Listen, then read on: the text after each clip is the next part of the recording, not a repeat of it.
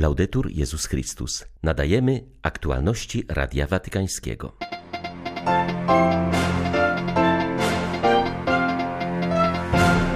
Uczniowie Chrystusa muszą być pośrednikami pojednania w świecie, powiedział papież do ekumenicznej delegacji z Finlandii.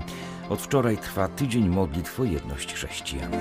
Franciszek spotkał się z delegacją buddystów z Kambodży. W przemówieniu wskazał na rolę religii w kształtowaniu ekologicznej odpowiedzialności.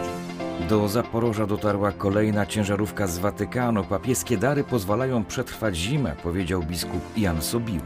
19 stycznia witają Państwa ksiądz Krzysztof Ołdakowski i Krzysztof Brąk. Zapraszamy na serwis informacyjny.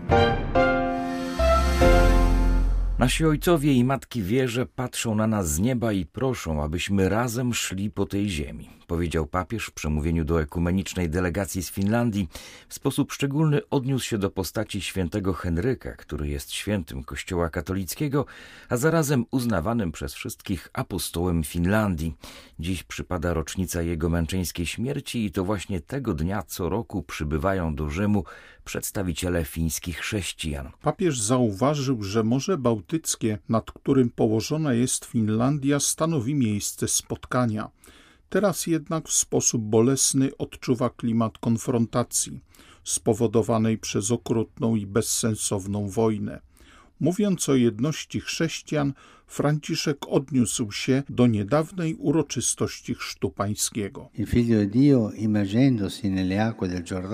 Syn Boży, zanurzając się w wodach Jordanu na początku swojej publicznej posługi, dał wyraz swojej woli pełnego zanurzenia się w naszej ludzkiej kondycji.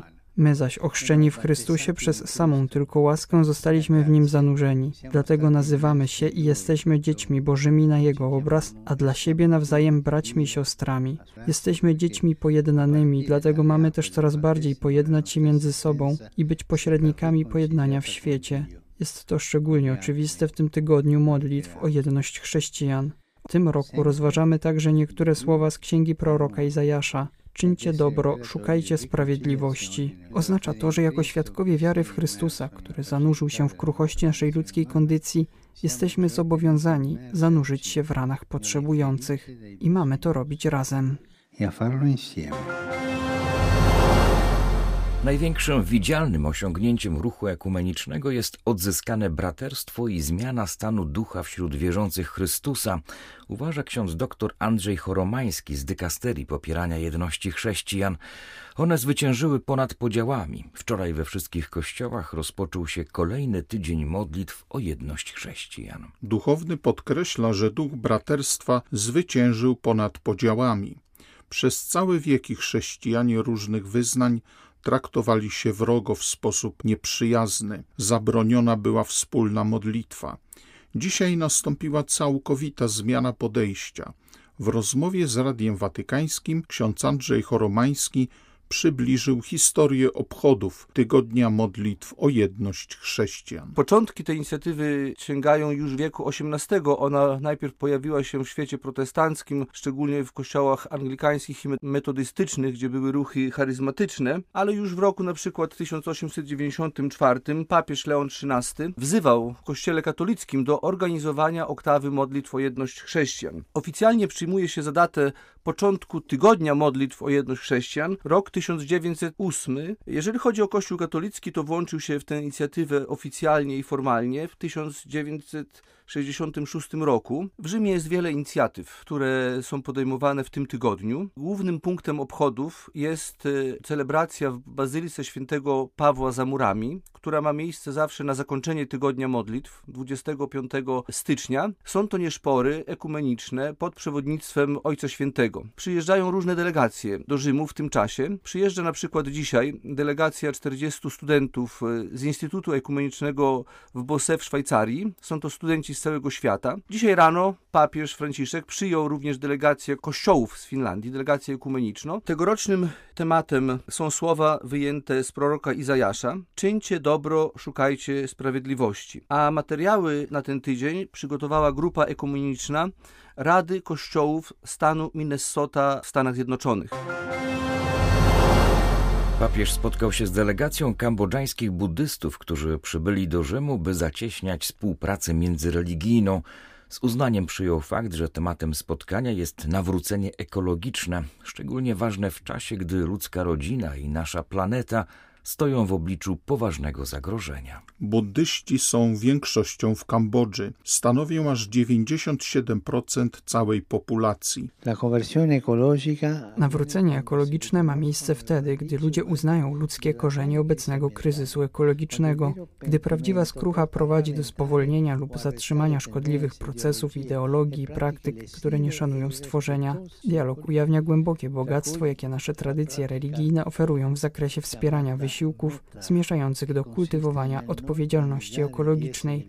Stosując się do zasad, które Buddha przekazał swoim uczniom, w tym do praktyki zwanej metta, polegającej na nieszkodzeniu żywym istotom oraz prowadząc prosty styl życia, buddyści mogą nabyć współczującą postawę wobec wszystkich istot oraz wobec Ziemi. Ze swej strony chrześcijanie realizują odpowiedzialność ekologiczną, gdy jako godni zaufania kustosze chronią stworzenie, dzieło, które Bóg powierzył człowiekowi, aby je uprawiał i o nie dbał perché la colte basse e la custodisse.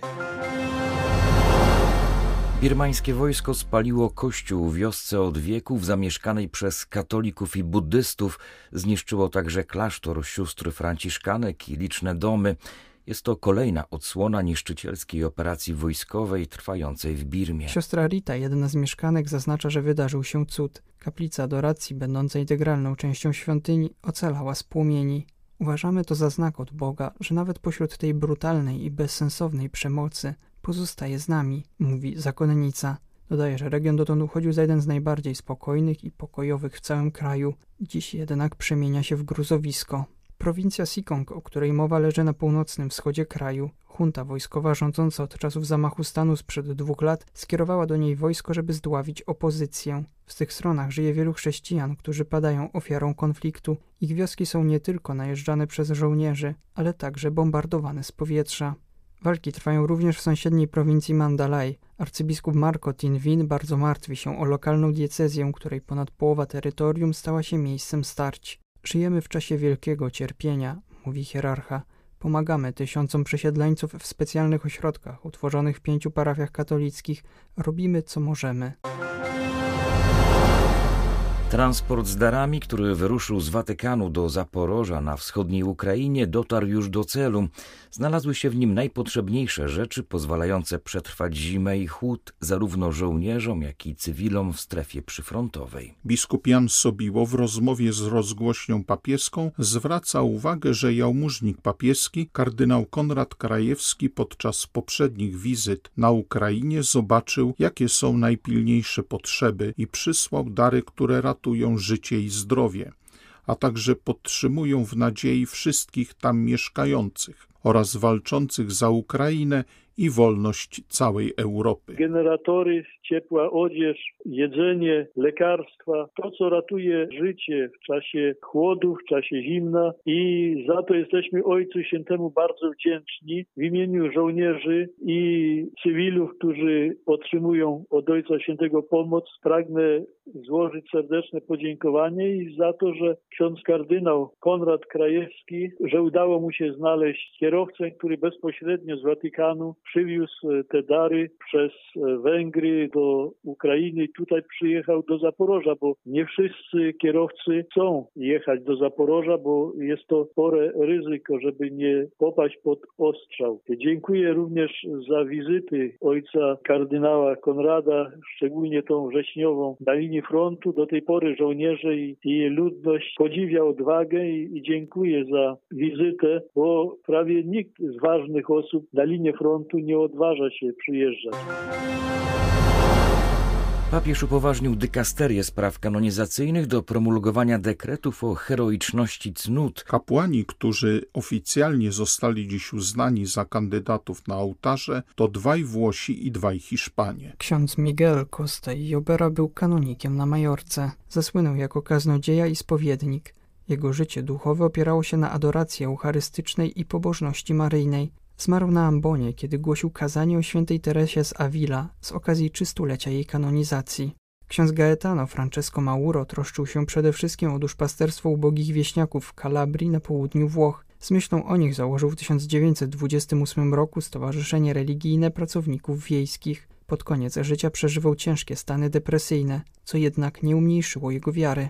Z kolei ksiądz Vincente López de Ural de Lascano przez 62 lata pracował w kolegium świętego Filipa Neri w Kadyksie, gdzie był cenionym nauczycielem i spowiednikiem. Kiedy przeszedł na emeryturę, poświęcił się bez reszty sakramentowi pojednania, spędzając w konfesjonale po 8 godzin dziennie. Ogłoszone dziś dekrety dotyczą też XVII-wiecznej toskańskiej mistyczki i stygmatyczki siostry Marii Margerity Diomiry. Pan Bóg obdarzył ją darem proroctwa, rady, wizji i ekstaz. Choć zmarła w wieku zaledwie 26 lat, cieszyła się wielkim poważaniem. Duchowego wsparcia i rady szukali o niej biskupi, kapłani, a także świeccy, w tym przedstawiciele miejscowej arystokracji.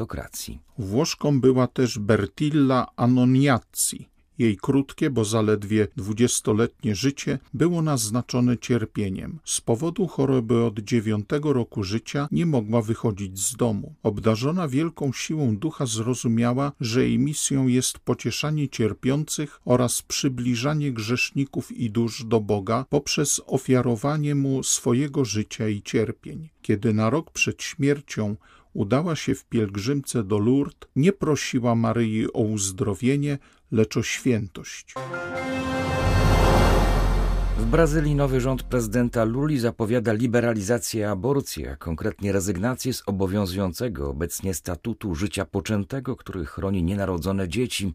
Głos w tej sprawie zabrała m.in. minister do spraw kobiet, mówiąc, że dla administracji nowego prezydenta aborcja jest kwestią zdrowia publicznego. Wypowiedział się publicznie w tej kwestii biskup Ricardo Heppers, przewodniczący Komisji Episkopatu do spraw życia i rodziny. Według wspomnianego hierarchy projekt prawny, znany jako Statut Poczętego Życia, zapewnia pełną ochronę poczętego dziecka i uznaje od poczęcia godność, naturę ludzką i osobowość prawną dziecka nienarodzonego, przyznając mu pełną ochronę prawną. Do obrony poczętego życia włączyło się prezydium episkopatu, które skierowało wczoraj oficjalną notę Życie na pierwszym miejscu. Trzeba pamiętać, że każdy zamach na życie jest także agresją na demokratyczne rządy prawa. Piszą w końcowej części oficjalnej noty biskupi stanowiący prezydium tutejszego episkopatu. Z Brazylii dla Radia Watykańskiego ksiądzisa Malczewski Chrystusowiec. Rząd Wielkiej Brytanii potwierdził plany wprowadzenia prawa przeciw tzw. Tak terapiom konwersyjnym, mającym na celu zmianę orientacji seksualnej. W tej sprawie naciski wywierała m.in. koalicja rządząca w Szkocji, sama ogłaszając swoją propozycję ustawodawczą. Termin terapie konwersyjne obejmuje różne praktyki, które mają na celu zmianę orientacji seksualnej u osoby, która jej nie akceptuje dotyczą w dużej mierze wierzących osób nieheteroseksualnych poszukujących uzdrowienia. Ekspercka grupa przy rządzie szkockim zaproponowała karanie jakiegokolwiek leczenia, praktyki czy wysiłku mającego na celu zmianę, zduszenie lub wyeliminowanie orientacji seksualnej. Biskupi szkoccy wskazują, że tak szeroka definicja może doprowadzić do karania działań duszpasterskich, opieki rodzicielskiej a także medycznej i profesjonalnej pomocy w kwestii orientacji seksualnej, jeżeli ta zostanie uznana przez rząd za nieakceptowalną. Hierarchowie wskazują, że przepisy mogą zostać wykorzystane do karania działalności duszpasterskiej. W razie uchwalenia tego projektu szkoły katolickie staną w obliczu niepewności o swoją przyszłość, a dzieci mogą być odbierane rodzicom, ostrzegają biskupi. Były to aktualności Radia Watykańskiego. Laudetur Jezus Chrystus.